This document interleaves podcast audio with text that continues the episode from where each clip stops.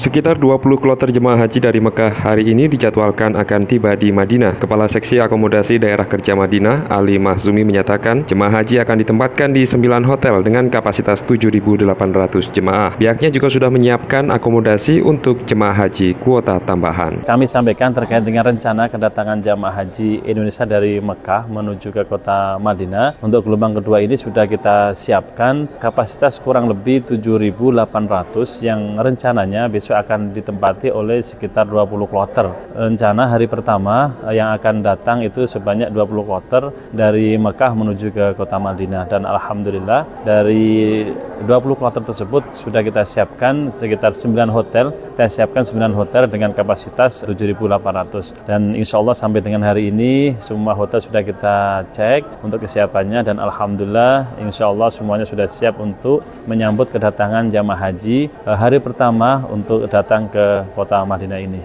Rencananya untuk kedatangan jamaah haji yang dari Mekah itu kita siapkan sekitar empat sektor ya, empat sektor yang akan menerima jamaah haji dari sektor 1, sektor 2, sektor 4 dan sektor 5. Iya, kuota tambahan nanti untuk kuota tambahan yang akan rencana datang ke kota Madinah ini, insya Allah nanti kedatangannya akan di akhir-akhir ya, karena kuota tambahan itu berangkat dari Indonesia pun di gelombang gelombang kedua yang terakhir sehingga akan kita siapkan kurang lebih sekitar kapasitas 7.300 jamaah yang akan menempati di kota Madinah ini untuk kuota tambahan yang kemarin datang di Arab Saudi. Ditambahkan Ali sejauh ini tidak ada kendala terkait akomodasi jemaah haji yang akan datang dari Mekah ke Madinah menyusul berakhirnya puncak haji yang mana tingkat keterisian hotel di Madinah juga relatif turun. Demikian dari Mekah Arab Saudi, Anton Reandra melaporkan.